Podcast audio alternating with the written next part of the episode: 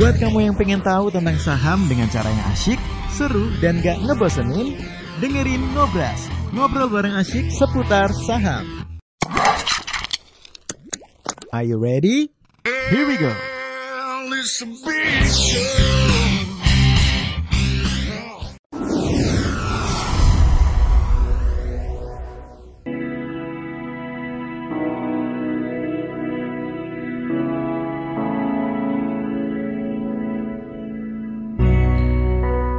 Kasih yang udah selalu setia ya menemani kita di sini sobat investor. Happy cuan buat hari ini tepat di klinik pasar hari ini tanggal 26 Maret 2021 bareng sama saya Nick Daniel dan ada Bro Gilbert di sana. Selamat sore Bro Gilbert. Selamat sore Bang Hendrik, selamat sore Bapak Ibu semuanya. Wah hari ini ceria banget Bro Gil. Habis cuci muka, Oh bukan habis cuan. cuci muka. Waduh. Cuci porto ya.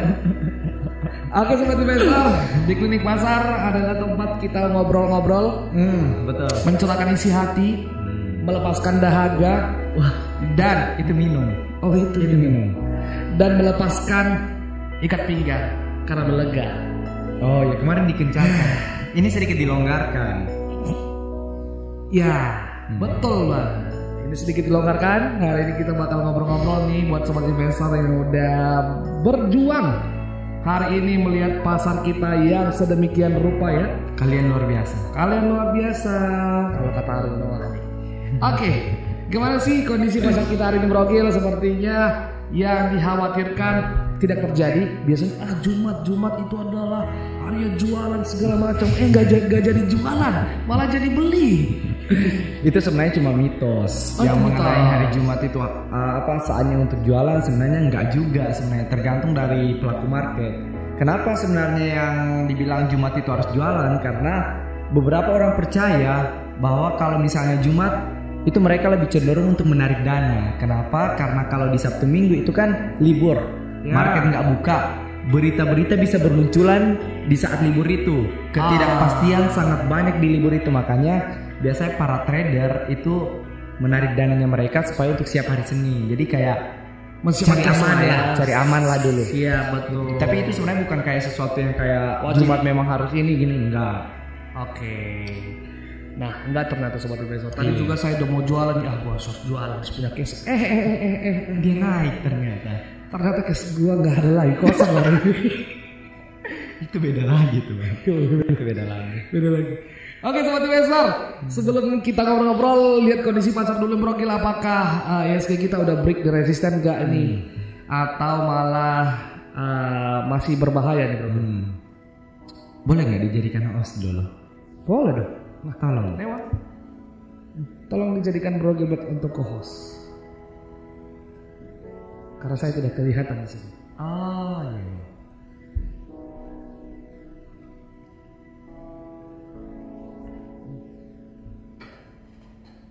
Nah sambil menunggu Newa untuk menjadikan co-host. Nah Bro Gil, kalau menurut Bro Gil nih, Mm-mm. eh, perbankan hari ini seperti apa kondisinya perbankan? Kuat gak sih? Makanya kita jadikan host dulu supaya kita bisa lihat gambarannya. Kita lihat sama-sama ya. Oke. Co-host, jangan host. Nah, Co-host ya. Mantap. Oke, silakan Bro sebentar. Saya coba sharing dulu. Oke Bapak Ibu, eh, sepertinya yang kita sempat bahas kemarin ini secara kebetulan memang terjadi kalau seharusnya hari ini memang technical rebound. Kenapa? Karena kemarin waktu kita sempat bahas itu waktu indeks kita turun minus 1,2 persen pas penutupan itu dia diangkat nih 0,54 persen. Jadi memang wajar saja kalau seandainya hari ini technical rebound dan kejadian ternyata untuk technical reboundnya hari ini Bapak Ibu. Dan sebenarnya waktu pagi-pagi tadi saya sempat khawatir nih. Sempat khawatir kenapa? Karena dia masih dibuka dan gap tadi pagi. Tapi waktu dia sempat dibuka dan gap pas pembukaan kan di pre pre opening, kemudian waktu dia opening, dia kemudian turun dulu tuh. Dia sempat plus 0,31 kemudian dia sempat merah, merah sedikit, kemudian dia naik lagi. Akhirnya dia nggak buka dan gap Bapak Ibu. Ini yang sebenarnya lebih lebih mele- lebih melegakan lah kalau misalnya eh, boleh saya bilang. Nah, apakah sejauh ini indeks kita ini udah aman? Sejauh ini dia udah kembali ke support pertamanya nih Bapak Ibu. Support pertama di area 6150. Nah, tapi sejauh ini memang belum aman Bapak Ibu. Kenapa? Karena masih technical rebound. Kecuali dia kembali ke 6250, ini potensi untuk mau on tracknya, untuk on tracknya ini lebih lebih valid lah. Kalau sejauh ini dia masih di masih di 6195 ini masih kurang oke nih Bapak Ibu, masih technical rebound. Kenapa? Karena kalau kita lihat nih yang daily ini kan 60 menitnya, daily ini pas nih. Pas banget nih dia di area area supportnya nih. Pas banget. Sejauh ini memang masih technical rebound. Kalau kita perhatikan dia turun, break support kemudian dia naik. Kalau seandainya nanti di hari Senin, di hari Senin kalau keadaan sehat-sehat saja, dia balik ke 6250, ini berarti dia kembali ke jalur yang benar nih Bapak Ibu, ke jalur yang benar. Kemudian kalau kita lihat perbankan hari ini apa sih yang membuat indeks kita sampai penutupan hari ini dia naik 1,19 persen. Kalau BBC akhirnya hampir semua dinaik Ibu. BBC yang naiknya tipis 0,71 persen dan BBRI 2,16 persen BMRI 0,39 persen, BBNI 2,54 persen, Astra gimana? Astra juga 2,75 persen, Telkom 2,35 persen, Unilever, oh Unilever minus, ICBP 1,68 persen. Jadi kita udah lihat nih dari yang sektor yang bobotnya paling tinggi ke indeks yaitu finance dengan consumer good ini pada naik semua. Hampir semua lah naik dan naiknya cukup signifikan hampir 2% mereka lah yang sebenarnya mendrive sampai indeks kita naik 1,19% sejauh ini Bapak Ibu. Jadi sejauh ini memang masih technical rebound belum konfirmasi konfirmasi amat nih kalau kita lihat. Nah yang sesuatu yang menarik juga pada hari ini kenaikan dari si trio macan Bapak Ibu. Jadi akhirnya akhirnya setelah berhari-hari dia turun dia kemudian terjaga di supportnya terjaga di area supportnya. Coba kita buka info info dia benar-benar terjaga di area MA 200 nya nih Bapak Ibu. Dia sempat cuma bercanda bercanda dikit kemudian dia malah naik lagi nih kemudian dia malah naik berapa nih? 7,39% berarti dia ini memvalidasi nih kalau MA 200 nya ini memang kuat banget. Bahaya kalau ditembus di bawah berarti dia akan masuk fase downtrend lagi. Antam pun begitu. Seperti yang kita sempat bahas 2070 sampai 2170 jangan sampai tembus. Nah terakhir kali waktu dia penurunan kemarin dia tuh uh, titik yang paling rendahnya itu di 2100 Bapak Ibu. Jadi dia berarti masih ketahan di support kuatnya dan akhirnya sekarang dia mantul naik 7 naik 11,47 persen. Apakah ini pembalikan? Sejauh ini belum Bapak Ibu. Dia akan pembalikan kalau kita perhatikan nih di sini kan ada EMA 200, eh EMA 20. Kalau dia ada atas EMA 20 mulai tanda-tanda untuk pembalikan di berapa EMA 20-nya di 2500. Kan sekarang dia penutupan 2430 untuk potensi pembalikan arahnya kalau dia di 2450 sampai 2500 mulai tanda-tanda tuh. Tins. Nah, Tins juga seperti ini nih. Dia mulai ada tanda-tanda. Jadi memang kenapa uh, ini secara ini bisa dibilang kayak suatu fenomena yang selalu uh, sering terjadi nih Bapak Ibu. Jadi kalau misalnya suatu saham suatu saham dia itu naik diikuti narasi, kemudian ketika narasinya sudah mulai meredup, ketika narasinya sudah mulai meredup, dia kemudian turun nih, turun. Udah narasinya udah mulai meredup, tapi ketika dia menyentuh support paling kuatnya, ketika dia menyentuh support kuatnya, cenderung akan ada narasi bagus. Inilah yang terjadi tadi. Karena Teens, Antam, Inco kan tertahan di support kuatnya, di support paling kuatnya kalau jebol memang bahaya banget. Tiba-tiba muncul berita. Beritanya apa yang tadi pagi? Soal holding baterai. Ini memang berita lama tapi diulang lagi. Tapi ini ada perkembangan sedikit nih Bapak Ibu. Perkembangannya apa? Kalau dari Pak Erik tadi uh, mengundang beberapa media untuk mengumumkan mengenai IBC yang akan terbentuk atau Indonesia Battery, uh, Battery Corporation. Ya benar, Indonesia Battery Corporation atau IBC. Dan ini resmi terbentuk. Tadi jam 15.30 kalau saya nggak salah ingat itu untuk untuk konferensi persnya dan ini dijelaskan di CNBC bahwa sah Eric umumkan IBC terbentuk RI jadi pemain global. Oke, okay, IBC itu apa? IBC itu adalah holding holding uh, holding baterai listrik yang terdiri dari empat perusahaan BUMN Bapak Ibu. Jadi di sana ada PT Indonesia Asahan Aluminium atau Inalum. Uh, di sana juga ada PT Aneka Tambang, ada juga Pertamina dan juga ada PLN. Jadi mereka udah mulai ketuk palu. Oke, sekarang resmi terbentuk, tinggal untuk jalan nih. Nah, sekarang coba kita cek nih 8 fakta mengenai baterai holding ini. Oke, anggota baterai holdingnya tadi yang keempat nama tadi Kemudian juga di sini dijelaskan bahwa kalau ingin mengadakan perjanjian mengenai supply dari baterai listrik ini harus melalui mereka nih, melalui baterai holding mereka nih. Jadi perusahaan-perusahaan yang berhubungan dan bersinggungan langsung dengan keempat perusahaan ini yang sangat diuntungkan. Dan kalau kita lihat dijelaskan juga di sini bahwa untuk yang bagian hulu, untuk yang bagian hulu maksudnya yang bagian ba yang namanya mencari untuk bahan bahan mentahnya nanti itu di bagian di aneka tambang dengan di inalum. Yang untuk bagian untuk mencari baterainya nih Bapak Ibu. Untuk istilahnya apa ya? Untuk bahan bakunya. Kemudian bahan baku ini yang masih bahan setengah jadi ini akan diolah oleh Pertamina dan CPLN di bagian untuk usaha di hilirnya. Jadi bagian hulu nanti di Inalum dan aneka tambang. Kemudian bagian hilirnya ini akan diolah oleh Pertamina dengan PLN oke nah di sini sebenarnya yang menarik di sini Bapak Ibu yang harus memang diperhatikan ke depannya adalah roadmapnya. Ini yang paling penting roadmapnya. Roadmap dari baterai listrik. Oke. Nah, di sini nih kita perhatikan. Sebentar, sebentar. Oke. Nah, pada 2021 ini akan digencarkan pembangunan stasiun pengisian kendaraan listrik. Kemudian Kemudian pada 2022 OEM ditargetkan akan mulai memproduksi kendaraan listrik Indonesia. Jadi kembali lagi Bapak Ibu, 2022 akan mulai produksinya. Dan pada 2024 smelter high pressure acid leaching ditargetkan mulai beroperasi yang dikembangkan oleh PT Aneka Tambang dan pabrik prekursor baterai dan katoda mulai beroperasi yang dikerjakan oleh PT Pertamina My ID. Kemudian pada 2025 pabrik sel to pack mulai beroperasi yang akan dikembangkan oleh Pertamina. Kemudian pada 2026 ibu kota baru di Kalimantan Timur sudah mengadopsi kendaraan listrik. Jadi uh, di sini ada banyak uh, ada beberapa poin penting nih Bapak Ibu dari roadmapnya mereka dari 2020, 2021 sampai 2024. 2024 ini yang akan ditargetkan mulai hilirisasinya jadi memang narasi dari baterai listrik ini masih sangat-sangat panjang. Karena narasinya masih sangat panjang, investor kadang-kadang udah forward looking nih Bapak Ibu. Jadi memang udah direspon sangat sangat optimis nih di oleh investor ketika berita ini keluar. Tapi tapi Apakah harga sekarang ini mencerminkan value di masa depan? Belum tentu juga. Bisa lebih rendah, bisa lebih tinggi. Kalau seandainya nanti kerjasamanya ini berjalan dengan lancar, proyeknya berjalan dengan lancar, operasinya berjalan lancar di 2024, bisa jadi harga sekarang ini masih terlalu murah.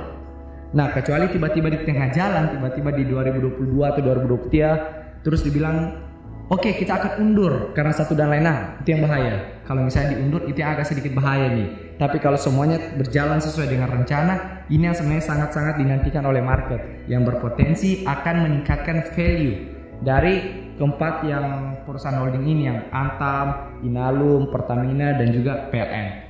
Seperti itu kalau mengenai baterai listrik. Oke. Gimana Bang Hin? Oke, mantap untuk baterai listrik ya. Dan sejauh ini harga nikel aman-aman Masih aja. aman-aman. Masih aman-aman aja Bapak Ibu. Tapi memang belum signifikan untuk harga nikel. Harga nikel itu berapa di 16 ribu 16.345. 16.345. Naik Kecuali dia di 17 ah, mulai itu. Yes, naik 1,07 persen. Hmm.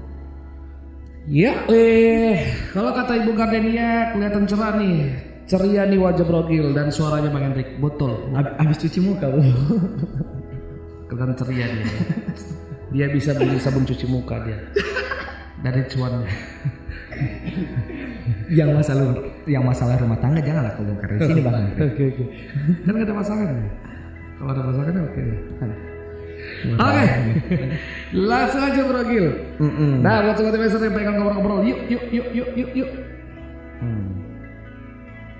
Wah ini ada dari Pak James nih. Halo Pak James. Pak James. Bisa dianya grup ngobrol Pak? Boleh dong. Sebentar sambil saya coba buka RTA juga nih. Silakan Pak James. Selamat sore Pak James.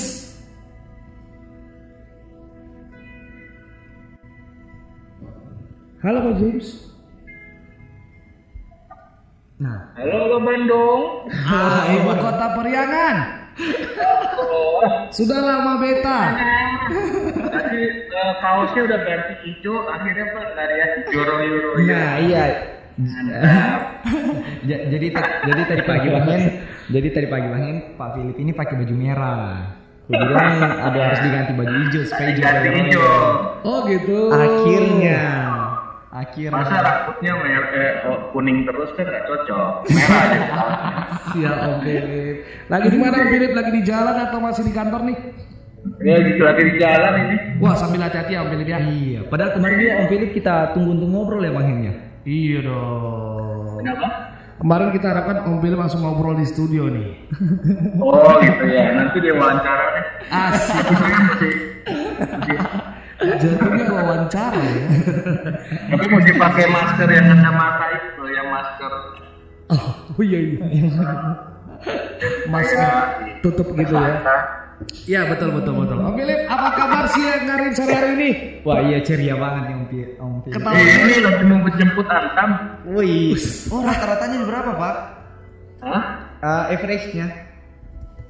Nah, udah ini apa? Oh. Sempat lagi meeting jadi nggak nggak kelihatan. Oh. Cuma ya si joro-joro aja. raya tuh. Cuma ada kolek itu aja apa? Eh, bull Hmm. Nah, boleh. Rogain. kecil. Oh iya bul. Bull gimana ya, Om? Oke, Silakan Bro Gail. sebentar sebenarnya sa- saya pengen tunjukkan satu ini. Terusan Suez. Sulap. Enggak. Oh, Jadi enggak. memang ah, kalau yang bull ini Bapak, memang ini korelasinya sangat sangat erat dengan yang namanya tarif harga kapal. Nah, tarif harga kapal ini akan naik kalau misalnya permintaan dari minyak ini akan naik. Nah, kalau kita lihat kan untuk demand dari minyak ini sejauh ini belum belum belum signifikan nih, cuma supply-nya memang yang agak tinggi, demand-nya belum. Tapi yang membuat sebenarnya harga minyak sekarang naik dan juga harga harga sewa kapal ini naik karena ada satu fenomena yaitu terusan Suez nih Pak. Jadi terusan Suez itu yang ada di Mesir itu ada satu kapal, satu kapal besar itu yang kayak apa ya? Kayak mogok. Mogok di terusan itu sehingga lalu lintas antara lalu lintas perkapalan itu segala hal yang berhubungan dengan ekspor itu terkendala Pak. Saya coba buka mengenai terusan Sueznya ini. Padahal kalau dipikir-pikir kak, oh di, Sebentar. di pinggirnya apa di tengah-tengah nih? Sebentar saya coba buka dulu terusan Sueznya yang seperti apa sih terusan Suez Kalau di tengah-tengah kan harusnya bisa belok dikit lah ya. Nggak bisa. Dia ini pas nih. Kirain simpang semen. Nah, sebentar. Oke, ini oke bentar. Ini jaringannya di ruangan medianya Bang Hendrik ini kurang Bahasa ini. ngadi-ngadi. Bentar. Coba kita lihat, coba kita lihat, coba kita lihat. Ada dia terusan susah bro? Ah, ini kan terusan Suez ini. Ini sebentar. Suez. Nah, ini ini ini ini. Eh, nah, ini kecil banget nih. Oh, lihat nih bang. ya, ya, nah ya, ini ya. ini kecil banget. Ah, ini kecil banget. Ini turu- ah, ini namanya terusan Suez. Ini yang lalu apa? Lalu di sinilah ada lalu lintas mengenai kapal-kapal yang untuk mengekspor dari Asia ke Eropa. Nah ini kan ada lagi ada satu kapal yang mogok di tengah. Jadi Pas memang semuanya tengah-tengah. terkena pas di tengah-tengah dan kapal-kapal nggak bisa lewat. Kapal-kapal nggak bisa lewat. Karena kapal-kapal misalnya nggak bisa lewat, Yang mereka harus mutar. Iya, mereka harus mutar. Mutarnya di mana? Jauh banget nih. Sebentar. Iya. Nah ini sebentar. Saya coba buka. Dia bodinya nyangkut. Iya, di bodinya. Ini ini soalnya ah, ah tadi itu. Oh. Sebentar. Jaringan nah. It's Mana? Nah, nah di sini kan tadi itu terusan Suez. Kalau misalnya mereka nggak karena ini tertutup, jadi seharusnya itu yang sebenarnya sebelumnya itu kalau untuk menghubungkan Asia itu dia harus mutar lewat sini. Nah, jauh banget nih. Jadi kalau dari Asia itu dia harus mutar di sini kapalnya untuk ke Jadi Eropa. karena karena ada kasus yang terusan Suez ini, jadi eh, harga minyak naik ya. Iya benar kan terusan Suez yang di bagian kecil ini Pak. Jadi kalau sebelumnya memang itu untuk untuk eh, transportasi laut antara Asia dengan di Eropa mereka harus mutar lewat Afrika lewat yang gar- yang garis ini jauh banget. Makanya di sini ada terusan Suez dibuat satu terusan Suez jadi bisa langsung dimotong eh, apa Potong jalan langsung mas. motong jalan. Nah Bisa karena tolong ini nggak disampaikan ke mereka gitu, biarin aja, jangan dibetulin, eh jangan di Jangan di situ. supaya harga minyak naik, harga kapal naik ya pak ya. Iya betul. Sewa kapal lagi ya. Atau harganya taksi. Maunya kita sih pak. Nah, iya memang kita seperti itu sih pak. Nah karena karena karena ada kejadian lucu tadi itu makanya sampai harga minyak naik dan juga harga kapal naik pak. Makanya kalau kita lihat ini Sochi juga naik, Bull juga naik, tarif ka- eh, tarif kapalnya memang naik. Cuma Bull ini nggak nggak se nggak selincah Sochi kalau yang kita perhatikan dia 6% sedangkan Bull enggak. Karena Sochi memang agak lebih lebih apa istilahnya lebih lebih gemuk lah, lebih gemuk. Kalau si Bull ini agak lebih besar. Hmm. Sochi lebih, iya, Sochi lebih ramping. Gitu. Tapi selama masih ketan di 300 masih aman saja nih Pak. Tapi kalau Elsa kenapa ya? Dok, ya Hmm. itu dia nggak mau naik-naik ya? Apa bel- belum lupa dandan atau bagaimana? Neng Elsa. Lupa dana. Iya dia naik tapi kurang signifikan sih Pak. Cuma berapa? Iya. 1,66 persen nih Pak. Oh iya. Iya, Kita beliin 1,66 persen. bedak atau beli lipstick gitu. Nah, Medco yang agak lebih tinggi nih, 2,52 persen. Berapa Gil? Medco. Cuma kembali lagi kalau ini kan terusan seksi, terusan seksi ini yang kasus di sana ini kan cuma untuk jangka pendek. Paling minggu ini udah kelar. Setelah itu harga minyak kembali bergelombang lagi nih. Kalau misalnya lama nggak ini. Maunya sih seperti itu pak. gitu pak. Jadi Elsa bagaimana eh, apa eh, terawangannya ke Hmm. depan? Om? Oke, kalau kita lihat dari Elsa. Oh iya, kan minyak juga ya. Iya benar, tapi dia lebih ke Elsa, Elsa itu kan punyanya Pertamina ya bukan? Ah, saya kurang tahu Pak kalau itu. Tapi seingat saya dia ini agak beda dengan Medco Pak. Kalau Medco memang pure dia di minyak dengan gas. Untuk si Medco ada ah, minyaknya banyak lah untuk yang bagian minyaknya blok-bloknya. Kalau si Elsa ini dia terdiversifikasi Pak. Jadi dia ada seismik, jadi kayak pencarian kayak untuk mencari di mana blok-blok minyak yang ada sumber-sumber potensi minyak. Kemudian juga dia ada di pengolahannya juga Pak. Kemudian dia ada bagian distribusinya juga Pak. Jadi memang dis- bisnisnya ini lebih terdiversifikasi. Jadi dia ini sangat terpengaruh kalau dari permintaan minyak dari dalam negeri naik, kemudian juga dari secara global naik. Jadi dia terpengaruhnya sangat banyak pak, karena dia juga bagian distribusi pak. Itu pak kalau untuk narasinya si Elsa. Tapi sejauh ini pergerakannya belum belum signifikan signifikan amat nih pak, kecuali nanti kecuali tiba-tiba dia kuat nih di atas 39 apa downtrend? Eh, masih sideways pak. sideways ya. Iya masih sideways nih. Nah ini dia kotak nih. Nah masih Padahal sideways pak. dia sudah diambil Pertamina nggak nggak kuat juga ya Iya ya. nggak kuat juga dia pak. Gitu. Tapi sejauh ini masih oke kok pak dia untuk si Elsa ini. Si Bro Gil, saya si, si Bro Hendrik nih selalu godain si Neng Elsa mulu, jadi dia malu. Iya kan dia tukang goda pak ini bang Hendrik. Malu naik, malu malu naik dia. Mungkin belum selesai dia dari salon. iya, itu salonin dulu ya besok ya biar Senin dia ini. Betul, kita salonin dulu dia. Oke oke. ya lanjut lanjut saya pikir dulu ya. Hati-hati di Oke, jalan, hati-hati, Pak. hati-hati di jalan, Pak. Sigit, Sama-sama. Philip.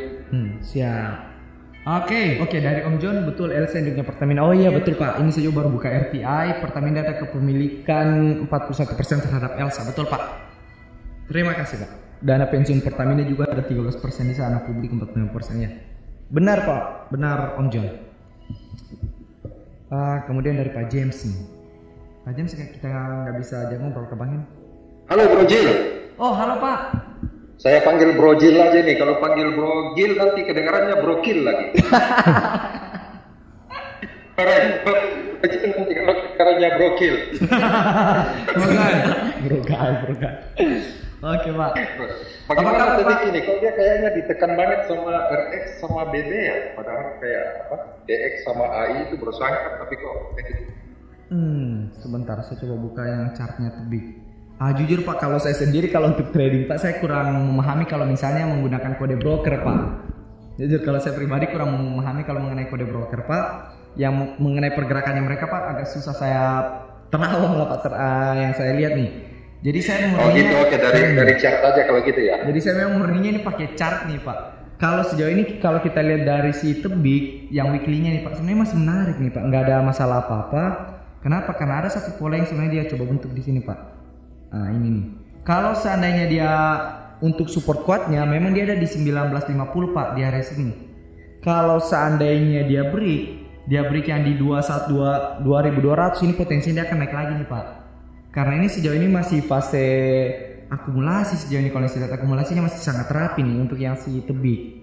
Selama dia kuat di atas 1950 Pak. Dan untuk triggernya, triggernya nih di 2200 Pak. Makanya sempat kita pas screening tadi malam kita sempat bahas nih tebik ini memang lebih cocok untuk lebih ke nge-swing. Apalagi kalau kita perhatikan juga stokastiknya masih golden cross nih.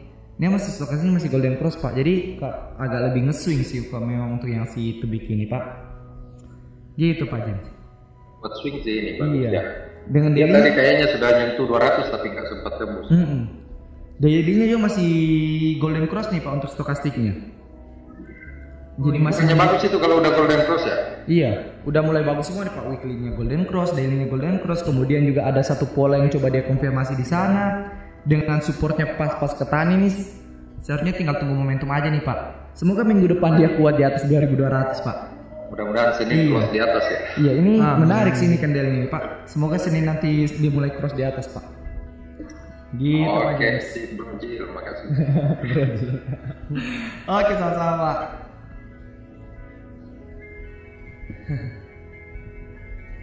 Gimana? Oke Pak Hen. Oke. Bang Hendrik pikirannya truk kali bisa belok dikit si kapal itu. Oke, bentar, bentar. Saya ada fotonya sebenarnya. Hah? Saya ada fotonya itu model kapalnya itu. Iya kan, bisa belok kan dikit kan? Enggak bisa. Masa sih? Ah, Bapak Ibu perhatikan ya ini model ka ah, ini nih. Coba ah, ini nih, ini pindahin, nih. pindahin, pindahin. Ah, ini nih Bapak Ibu. Ini kapalnya. Ini kan terusan Sueznya nih. Dirimu lihat nih, Bang. Kapalnya pas membelantang belai apa apa terlentak ah, gimana istilahnya ya? Oh. Ah, ini kapalnya. Gimana kita pakai, Wak? Ya eh. Oh iya iya. Kapalnya ini kan memang kecil sekali tuh terusan Sueznya dan kapalnya ini mem- memang besar, memang besar. Enggak maksudnya kalau di derek aja ditarik ujung itu pantat itu ke sana gitu. Nggak tahu, nggak tahu ada masalah apa di sini mungkin apa gimana. Kenapa dibiarin kayak gini maksudnya? Didorong gitu ya. Nggak tahu. Nggak kan? Ambil jasa jasa marga derek aja. Enggak nagus banget, nagus banget gitu kan. Kenapa harus dibiarin kayak gini berhari-hari coba? Nggak mau diderek pakai apa? Kan ini besar banget berat kan? Iya iya. Tapi nggak tahu. lah. Katanya minggu ini, katanya minggu ini akan dimulai akan selesai lah, akan- akan mulai lancar lagi nih. Ya pantas nggak bisa nih. Kadang-kadang yang lucu kan harga minyak naik cuma karena kapal mogok. Lah terus yang dua itu kejebak dong mau putar balik gimana? Gitu kan. Kandas. Kandas betul betul. Ini kandas. Jadi kayak kalau kita bahas tadi, ya terusan Sueznya kecil. Kalau misalnya nggak lewat terusan Suez, ini kapal-kapal harus mutarnya jauh banget. Harus lewat Afrika. Nah, harus lewat Afrika sini dia mutar. Kan di sini bagian di sekitar. Suez di situ Suez. Nah, Sueznya di area kecil sini nih. Ya. Nah, kalau misalnya dari dari Asia mau ke mana, nggak bisa ke sini jadi harus mutar ini. Dan wah ini makan ongkos banget nih. Wah jauh banget. Jauh banget. men. Jauh banget. Gara-gara sebiji itu loh. Jauh banget iya. Jadi kira-kira apa yang akan dilakukan sama perusahaan-perusahaan perusahaan-perusahaan penyewaan kapal nih? Pasti mereka akan ah mendingan nggak usah lah, tu- tunggu aja dulu kan. Kalau mereka tunggu dulu, sementara permintaan masih tinggi, tentu harga kapal naik. Harga sewa juga tambah. Harga sewa, harga sewanya naik, itu kecil banget nih. Oh. Tamu, oh tamu ini kan kapal juga. Eh, Iya kapal kalau saya nggak salah. Perusahaan yang punya kapal mogoknya langsung ARB. yang balik. Ayo kita ngobrol nih, ada Om Burhan nih. Ada Om Burhan, ada Om James. Kandas kayaknya tamu bisa bangun minggu depan ini. Tamu ini, seingat saya juga kapal. Coba kita cek dulu. Kita ngobrol nih. Sudah tadi. Oh, dengan coba dengan Om Burhanuddin. Om Burhan nih. Tamu.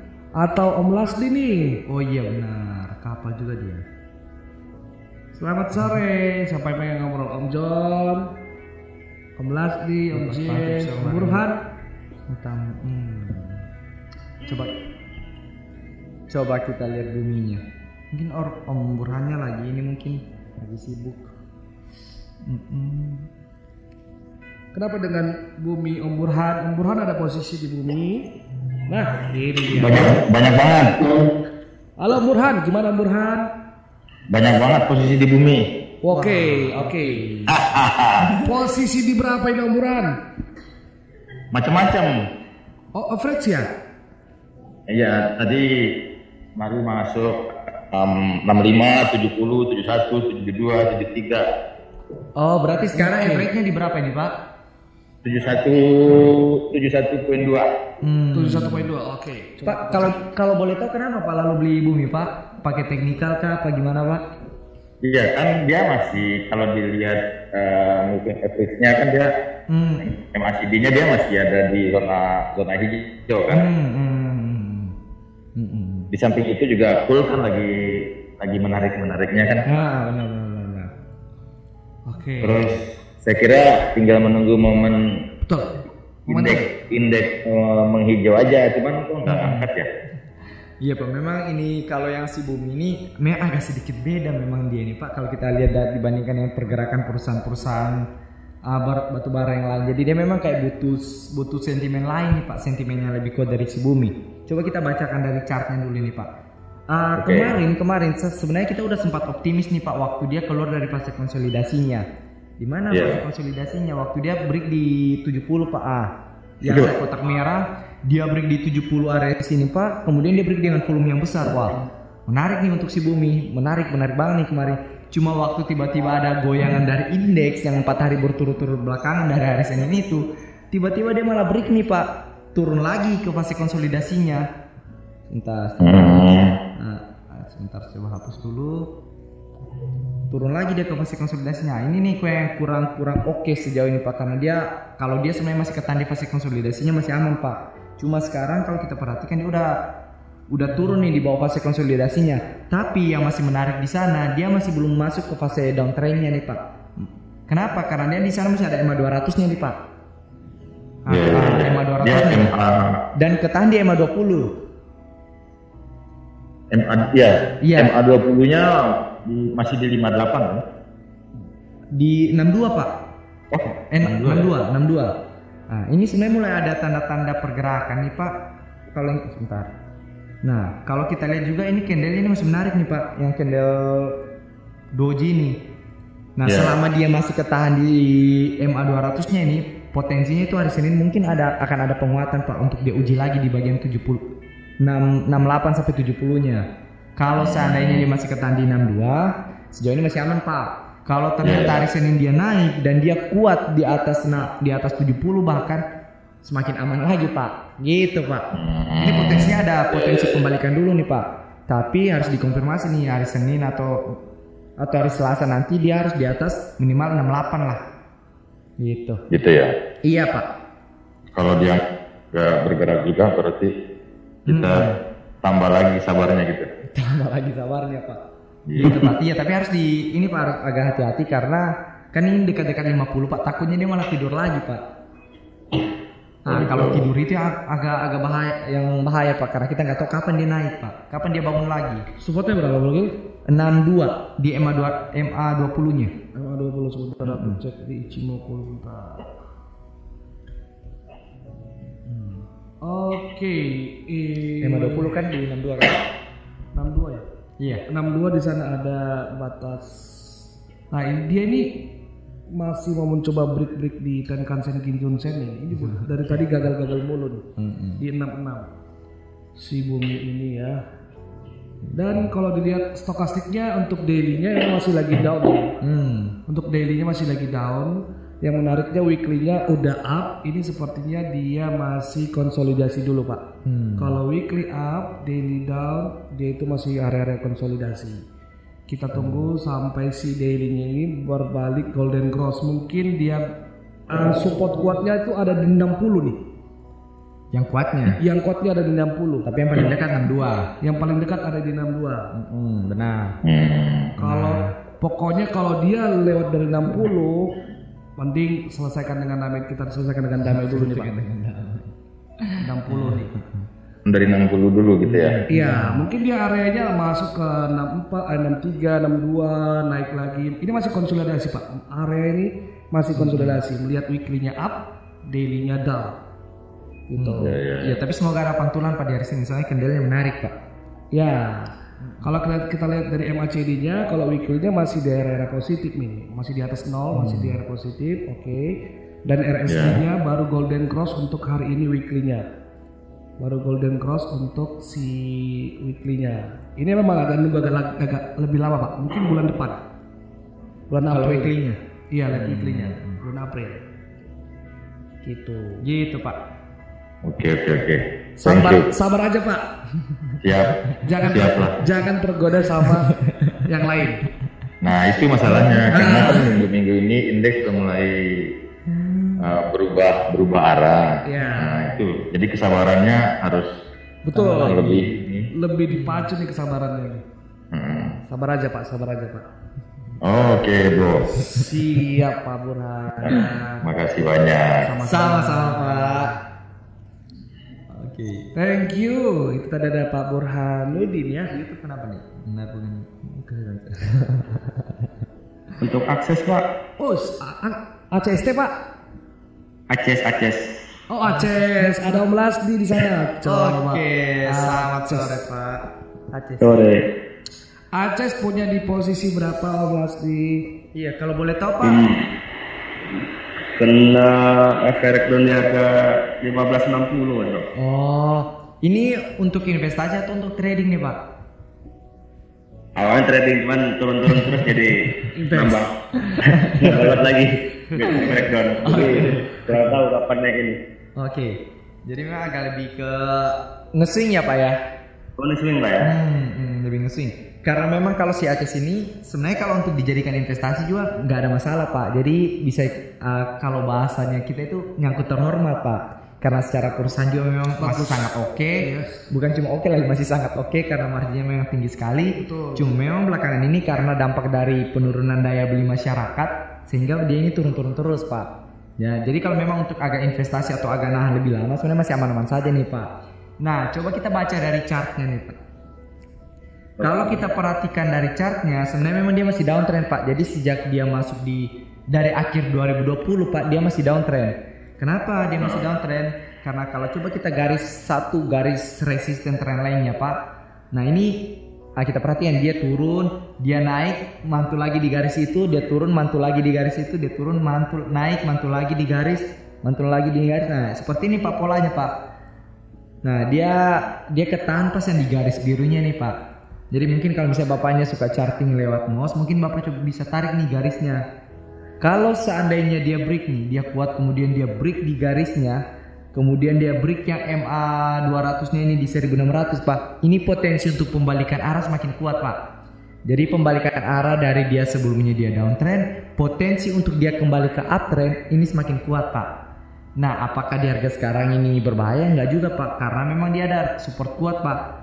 Support kuatnya dari si Aces ini di area 1000 1500 pak untuk support kuatnya. Jadi dia masih ada potensi pantulan dikit nih pak. Berapa nih? 1500 1560 pak ke area- pembeliannya bapak. Iya. Ya dia ini ada masih ada potensi untuk mantul ke 1650 pak. Kalau seandainya dia break nih di atas 1560 dia potensinya kena 1600. Kalau dia break 1600 potensinya dia akan uptrend lagi pak. Gitu pak. Jadi sejauh ini sejauh ini memang dia masih ketahan di supportnya 1500 pak. Jadi masih aman pak sejauh ini. Kalau dia break di, kalau dia break di 1500 ini memang agak bahaya kalau secara teknikal pak. Tapi kalau untuk agak Iya. lebih panjang masih aman-aman saja pak. Kalau memang untuk agak jangka lebih panjang. Kalau secara teknikal kalau dia break di 1500 ini kurang bagus pak. Gitu pak. Berarti kalau nanti break di bawah 1500 cut loss saja Pak ya? Kalau bapaknya pengen untuk trading mungkin boleh dikurangi pak. Tinggal nanti kita cari momentum lagi. Kalau dia mau naik ke 1600 mungkin butuh waktu Iya. dua minggu atau tiga minggu Pak ya? Masih butuh waktu dia ini pak. Ah, ah. Tapi potensinya ini mantul dulu nih pak ke 1560 nih pak. Kalau nggak kuat wah turun lagi dia. Oh, 60 Pak ya? Iya potensi dia masih akan potensi mantul nih ke 1560 nih. Mungkin hari Senin pak atau hari Selasa.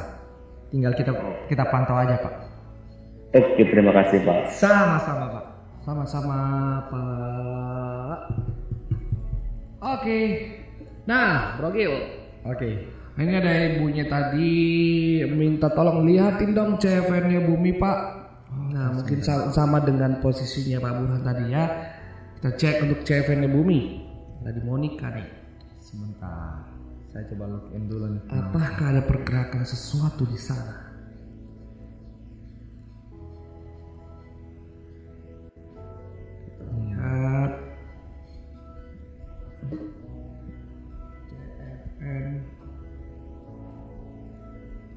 Sebentar ya Bu ya, coba kita buka yang Monica. Hmm.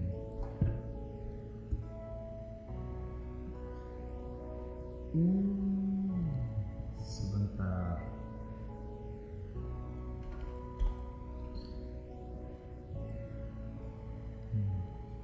Wah, ada nih Ada ini. jam jam sesi 2 tadi. Nah, itu sesuai dengan apa? Ada spike. Ada spike sesi 2 tadi. Nah, itu kan sesuai dengan ininya, dengan yang candlenya tadi doji. Itu kan candle perlawanan namanya itu. 05 ya kau pakai? 01. Oh, saya nggak bisa 01. Eh, kenapa? Kan di sini Ah, ini ada nih. Di Monica sudah bisa 01. Udah bisa. Udah. Tapi ini 05 ada juga. Ada 5, ada 5 05. Tanggal 25, tanggal 26 kemarin ada spike. Tadi juga ini ada spike. Jam 2 tadi ada spike. Kayaknya memang Iya, lagi tadi jam ngumpulin. jam 2 ada spike. Jadi masih ada potensi. Apalagi kalau kita lihat memang dia masih doji tadi yang gambar kecil itu. Iya, iya, Jadi itu ada, ada konsultasi potensi. Iya ada potensi untuk sebelumnya. Mungkin 68 maksimalnya. Kalau dia kuat di atas 68 bu, ibu tahan aja bu. Kalau dia nggak kuat di atas 68, ibu taking profit aja dulu. Taking profit, iya taking profit dulu. Gitu ibu. Mantap. Tadi ada Aces ya, Aces dan Bumi. Iya. Oke, jadi sekarang ini karena hari Jumat Bapak Ibu, mungkin nanti kita akan bahas mengenai saham-sahamnya itu kita pakai chart weekly. Kenapa? Karena ini kan konfirmasi candle untuk weekly. Dua. Gitu. Coba dong Bro Gil, apa yang enak weekly ya? Mau apa nih kita bahas Pak? Siapa yang pengen ngobrol lagi? Kocil bahas Wika dong. Ah, oke. Ada Om James di sana. Punya posisi Om James. Punya lah sedikit. Oke siap. Oke, sebentar kita coba buka weekly. Coba kita cek untuk si Wika. Weekly ini masih memang lagi menunggu momentum nih. Mungkin mungkin mungkin minggu ini, mungkin minggu depan. Nah iya benar. Nah, ini dia ada satu pola memang lagi agak drop. Coba kita tarik dari sini. Nah ini pas banget nih pak. Nah memang untuk agak ngeswing pak. Ini kuncinya di minggu depan nih pak. Untuk si Wika. Kenapa? Karena kalau kita lihat ada satu pola menarik nah di sini. Kalau seandainya dia break di 18, ini potensi dia akan dia akan balik arah nih. Potensi dia akan kuat untuk balik. Nah kalau kita coba perkuat nih, perkuat ini supportnya dengan Fibonacci, pas dia tertahan di area Fibo 050 pak. Nah biasanya saham kalau tertahan di kosong di area Fibo 050 itu krusial banget pak. Kalau mis untuk apa untuk retrace-nya, retrace-nya itu batasnya itu maksimalnya itu 050. Kalau dia memang akan menandakan downtrend, akan menanda- menandakan pembalikan arah, dia tuh kalau dia nggak kuat di 050 pak di area sini. Dan sekarang si Wika ini pas di area 050. Mungkin minggu depan kalau sehat-sehatin dia akan ada penguatan nih pak. Apalagi kalau kita perhatikan juga stokastik uh, weekly-nya nih mau tanda-tanda untuk golden close. Jadi perhatikan aja pak untuk di minggu depan nanti. Si Wika kalau dia masih kuat di atas 15 berapa nih? 1550 sampai 1580 potensi untuk dia balik arah semakin besar pak. Tapi kalau udah di bawah situ agak bahaya pak. Karena takutnya dia malah ke 13. 1.500 kali ya. 1580 sampai 1600 pak. Support kuatnya, support paling kuat banget tuh itu pak. Eh sebentar sebentar. Saya coba. Kira-kira ada narasi nggak buat Ah, lagi kembali? Ah, ini saya coba ganti ininya pak. Sejauh ini terakhir narasinya pak itu mengenai SWF yang sampai sekarang ini belum ada perkembangan selanjutnya pak, belum ada pemberitahuan selanjutnya. Kan terakhir kali mengenai SWF itu se- setelah Dewan Pengawasnya jadi belum jelas nih kapan mereka akan mulai apa membeli yang apa membeli perusahaan-perusahaan yang membeli divestasi yang tol-tol itu yang akan ditawarkan oleh beberapa perusahaan sampai sekarang ini belum ada pak. Cuma ke depannya yang sebenarnya yang sangat narasi yang sangat berpengaruh dengan infrastruktur infrastruktur ini adalah yang kalau misalnya tiba-tiba mereka menang tender proyek pak. Sejauh ini kalau Wika belum ada sih yang untuk misalnya mereka menang, menang tender proyek yang signifikan belum ada pak. Sejauh ini masih Oh. masih proyek-proyek kecil pak yang mereka menangkan. Kalau untuk yang signifikan sejauh ini saya belum nemu pak untuk beritanya. Gitu pak.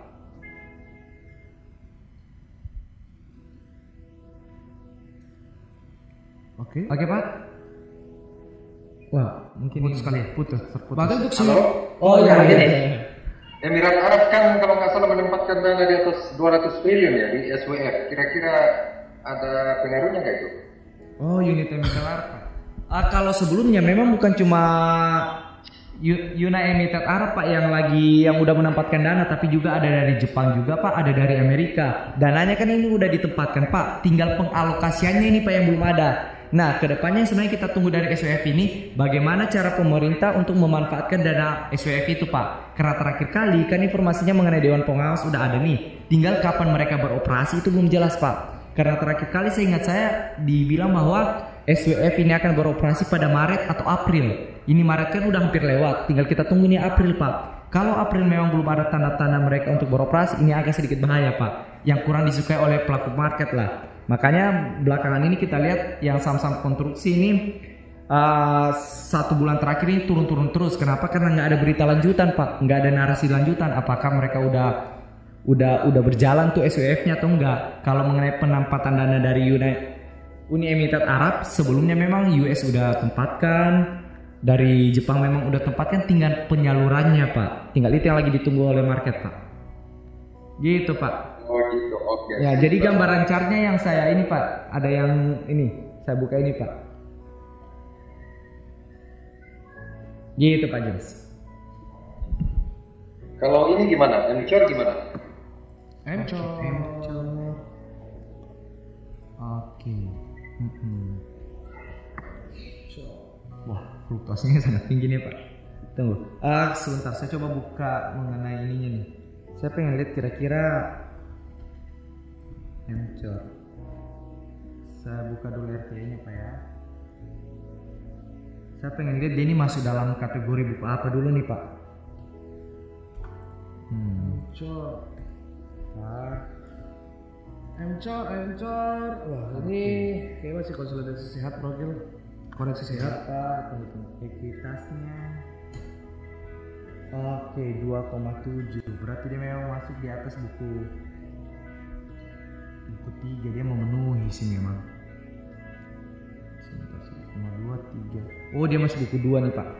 Oke pak kalau untuk yang si Mcor Dia kan memang masih masuk kategori kurang lebih Dia ini masuk kategori kurang uh, Masuk kategori bang buku 2 nih pak. Kalau untuk si Mcor Jadi berapa ya? Satu sampai iya buku dua atau buku, buku tiga saya agak lupa. Tapi memang ada satu ketentuan dari si OJK. Mereka bilang kalau di 2021 ini bank buku dua itu modalnya harus dua modal intinya itu harus buku harus dua triliun Pak. Nah si Mcor ini kan kalau modal intinya yang saya lihat di atas 2 triliun. Nah di 2023 di 2022 atau 20, 2023 saya itu agak lupa modal intinya harus naik jadi 3 triliun Pak. Nah kalau misalnya si Mcor ini yang modal intinya baru sekitar 2 triliun 2,5 triliun sekitar itu dia mau nggak mau harus harus mencari pendanaan baru pak supaya modal intinya naik menjadi 3 triliun di 2022 atau 2023 nanti pak.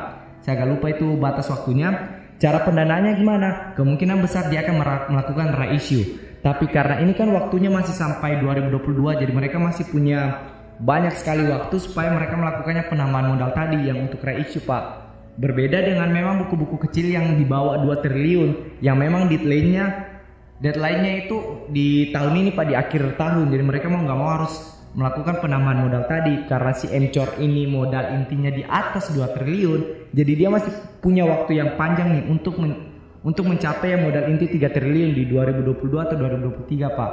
Itu sebenarnya narasi yang sedang dikejar oleh bank-bank kecil belakangan ini pak. Nah coba saya bahas dari teknikalnya. Oke sebentar ya. Hmm ini masih ag agak susah sih pak kalau kita lihat dari teknikasi encor ini karena pergerakannya ini agak liar nih pak. Oke oke. Ah bisa nah tinggal kita perhatikan nih pak kalau si encor ini jujur pak pergerakannya mak belum ada pola-pola yang terbentuk yang signifikan signifikan nih pak untuk yang si encor tapi tinggal diperhatikan pak kalau dia masih terjaga di atas Itu dipindah bro. Sebentar sebentar sebentar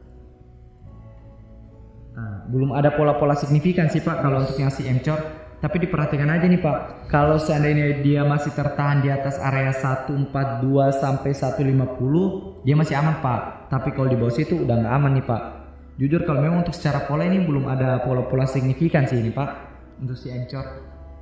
Dia juga dia sih lebih di bawah ya MA 60 ya.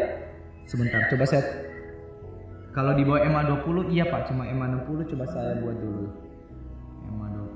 MA 20 60 yang hijau. Ah iya Pak. Pas nih Pak ketahan di MA MA 60 nya nih Pak. 153. Sekarang ini ya. Mm Tinggal yang terakhirnya batas terakhirnya tema 200 nya nih Pak di 134 tapi memang agak jauh.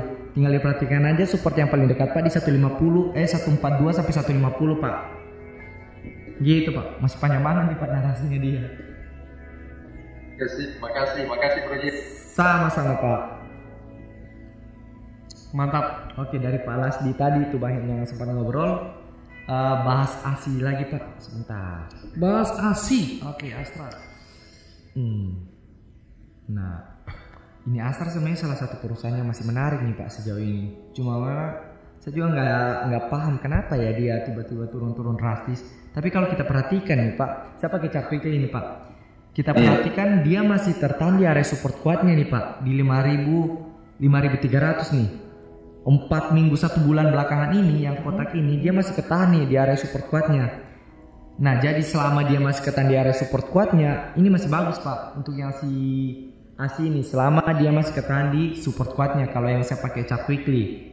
Kalau saya pakai chart daily, nah, ini support kuatnya ini memang gimana ya kunci kuncinya sekali lah. Kenapa? Karena di sana juga ada EMA 200-nya Pak. Jadi ibaratnya ini bukan cuma garis support yang horizontal yang saya gambar itu yang jadi jadi penahannya tapi juga ada penahannya EMA 200 Pak. Jadi memang ini kuat banget nih yang 5300. Kalau 5300 jebol ini yang bahaya Pak. Ini yang sangat-sangat bahaya kalau misalnya 5300 nya ini jebol. Tapi kira-kira narasi apa nih yang akan membuat dia jebol? Sejauh ini sebenarnya nggak ada narasi yang kurang oke sih kalau untuk yang di sektor otomotif Pak.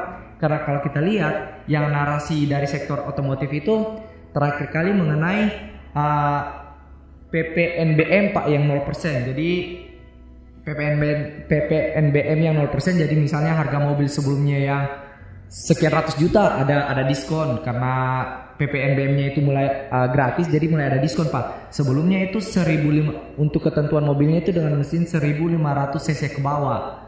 Nah, sekarang dinaikkan nih jadi 2500 cc ke bawah.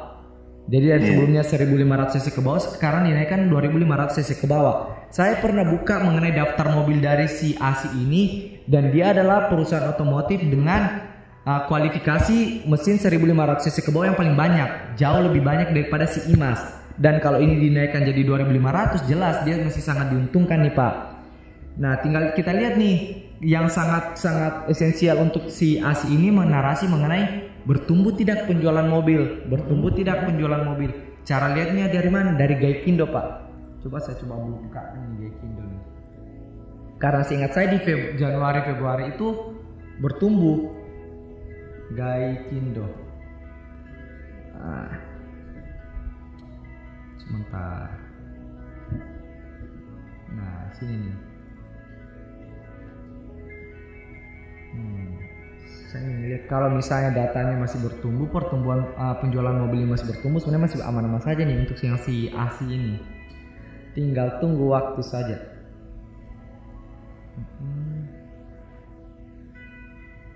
Eh, Sebentar. Hmm. Mana? Sebentar. Nah, data brand.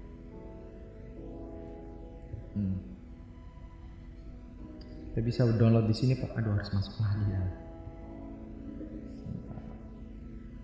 Semoga saya nggak salah password.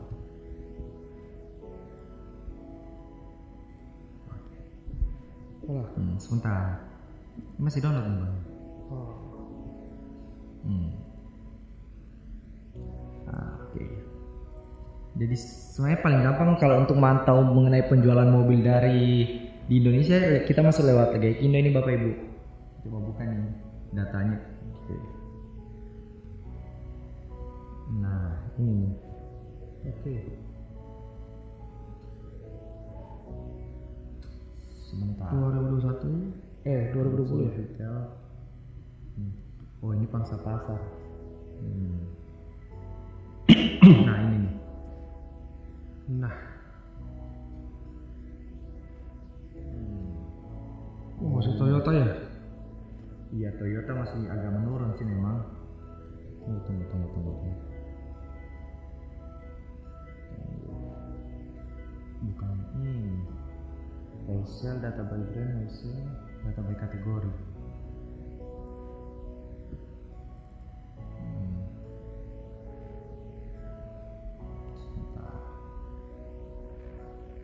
Mm-mm. What market sales?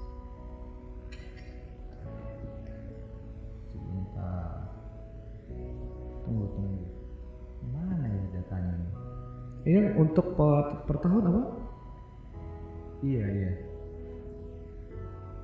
Yang saya mau lihat yang dari bulan-bulanan.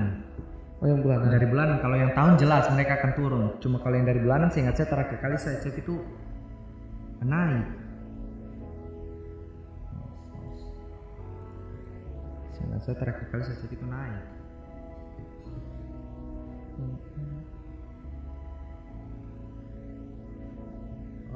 Ini.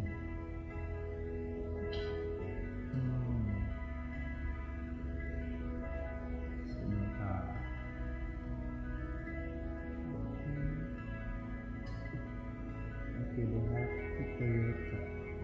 Satu. Satu. Ah, ini satu nih, Pak. Kalau Daihatsu, Daihatsu dia naik. Honda. Oh, Honda masih agak turun ya, Honda. Yang apa semua yang punyanya Suzuki? Seingat saya punya Suzuki nih. Suzuki naik dari sebelumnya 148 untuk bagian ekspornya naik dari 2000 nih di Januari Februari. Kita nggak bisa bandingkan mengenai Januari 2021 dengan Januari 2020 Pak karena kan Covid. Nah, jadi kita bandingkan kita bandingkan yang dari Januari ke Februari nih. Oke. Oke, cuma Toyota memang masih agak turun nih ke Januari ke Februari. Honda juga masih agak turun. Kalau secara retailnya, hmm. Sebentar. Isuzu yang oh Isuzu masih turun.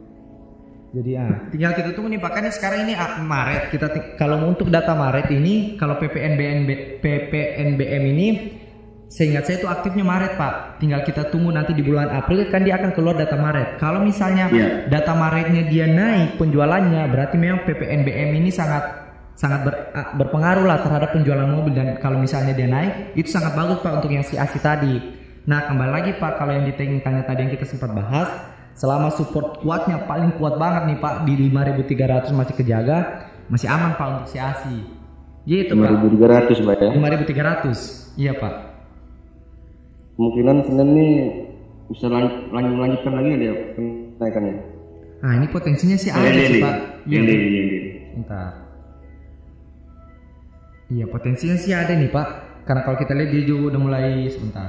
Dia juga udah mulai golden cross. Nah, mulai golden cross ini MACD-nya masih di atas juga. Ini potensinya sih ada Pak. Mungkin 5700 Pak yang paling dekat. Kalau dia break di 5700, nah dia semakin naik tuh Pak ke 6000. Kalau dia break di 5700 Pak. Gitu Pak. Oke, terima kasih penjelasannya Pak. Sama-sama Pak. sama-sama pak Oke sebelum kita selesai ini saya bahas dulu ini dari Pak Fon ini. Trio macan tolong tolong diulang bro Gil tadi maksudnya telat. Oke Pak. Jadi kalau untuk yang si trio macan Trio macan ini memang Yang sempat kita bahas tadi kan di 15 Pagi-pagi tadi tiba-tiba ada berita nih Pak. Nah saham itu memang lucu Pak. Saham itu memang lucu. Kenapa lucu? Karena kalau misalnya dia ada narasi kuat nih, narasi kuat, kemudian tiba-tiba direspon positif oleh pasar dengan kenaikan harganya, kemudian ketika narasi itu mulai mereda, nggak ada narasi lanjutan, maka harganya akan turun. Ini yang terjadi pada trio macan. Nah, ketika dia akan turun, dia akan lihat nih support paling kuatnya di berapa. Ini kebetulan yang sangat gimana ya? Kebetulan yang sangat pas nih Pak, karena kita sempat bahas Antam, Tins, Inco ini berada di support kuatnya. Biasanya ketika saham itu berada di support kuatnya akan ada narasi baru. Narasi barunya apa? Tiba-tiba tadi pagi ada narasi bahwa si Pak Erik ini mengundang wartawan, mengundang wartawan untuk berdiskusi eh, untuk mem- apa untuk menyampaikan informasi kom- konferensi pers tentang yang baterai holding. Dan setelah tadi jam 15.30 jam 3 lewat 30 waktu Indonesia Barat nah, Pak Erik bilang bahwa IBC ini resmi terbentuk. Yes IBC ini resmi terbentuk Nah ini adalah narasi yang sebenarnya ditunggu-tunggu nih Pak oleh si pelaku market. Nah si IBC ini apa sih? Jadi Indo- Indonesia Holding Battery, eh, Indonesia, Indonesia Battery Corporation maksud saya terdiri atas ini adalah holding baterai Bapak terdiri atas Antam, Inalum yang akan bekerja di hulu, kemudian ada Pertamina dan PLN yang akan bekerja di hilir. Nah narasi ini sebenarnya adalah narasi jangka panjang Pak narasi jangka panjang. Kenapa? Karena kalau di sini misalnya kita perhatikan ini road map dari baterai listrik. Nah, 2021 baru akan ada pembangunan stasiun, pengisian kendaraan listrik umum.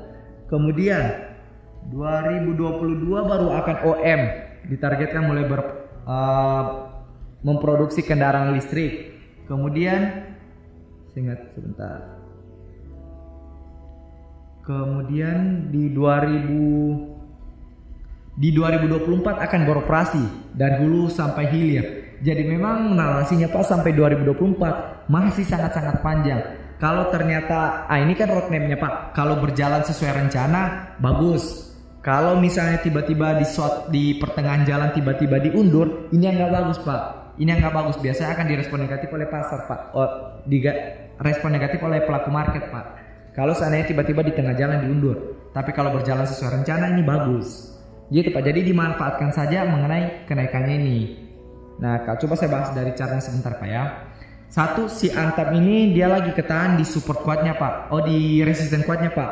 Resisten penentuan si Antam ini di 2450 sampai 2500 Pak. Dia ketahan pas. Ini potensi koreksinya sih kalau dia nggak kota tes ini potensi koreksinya 2350 Pak. Selama dia kejaga di 2350 masih aman. Kalau dia udah di bawah 2350 ini agak bahaya, mendingan taking profit aja dulu Pak. Kalau ternyata toh di Senin dia kuat nih break di 2450 dengan volume yang besar, ini potensinya 2600 sampai 2700 Pak untuk yang terdekat. Itu untuk si Antam. Untuk si Tins. Nah, si Tins juga ini uh, kayaknya lebih seksi si Antam sih tadi Pak. Dia ketahan juga pas di resistennya Pak di 1780 1800 1760. Potensi seningnya support yang harus dia jaga adalah 1715. Selama si kejaga di 1715 masih aman. Kalau ternyata dia break di 1760, nih potensinya dia akan lanjut nih Pak, mungkin ke sekitar 1830, ke sekitar 18 sampai 1830. Itu untuk si Tins. Sedangkan si Inco, Inco juga mirip-mirip nih dengan Tins Pak. Si Inco ketahan di 4700. Potensi koreksinya 4590 selama si kejagaan 4950 masih aman. Dia tutup di atas 4700, dia masih potensi ada kenaikan ke 4800, Pak. Gitu. Jadi diperhatikan aja, Pak. Support support kuatnya. Sekian. Oke, thank you. Bapak Ibu, terima kasih ya. Tetap standby dan semangat selalu. Selamat sore. Bye-bye. Kamu baru aja dengerin Ngobras, ngobrol bareng asyik seputar saham. See you to the next episode.